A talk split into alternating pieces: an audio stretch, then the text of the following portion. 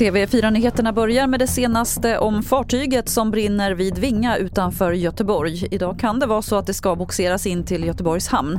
Läget ombord beskrivs som akut, branden i lasten är svår att släcka och hamnen ska ha börjat förbereda sig för att ta emot fartyget. Det vi har förberett för i hamnen utifall att vi skulle, vi skulle behöva ta emot det här fartyget så har vi ordnat fram en kajplats, man behöver eh, ordna utrustning för att lyfta av lasten och man behöver en plats i hamnens närhet som inte är på terminalen men lite längre bort där man kan förvara den här lasten tillfälligt. Då.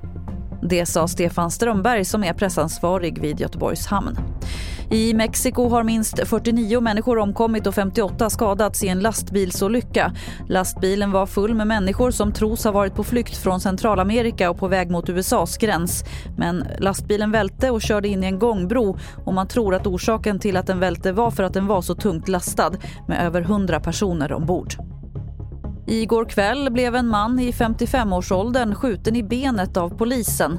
Det ska ha varit bråk i en bostad i Motala och mannen var hotfull och beväpnad med något vasst föremål. Först sköt polisen varningsskott men det hjälpte inte så då sköt de honom i benet. Mannen är gripen och misstänkt för grovt hot mot tjänsteman. Fler nyheter hittar du på tv4.se. Jag heter Lotta Wall.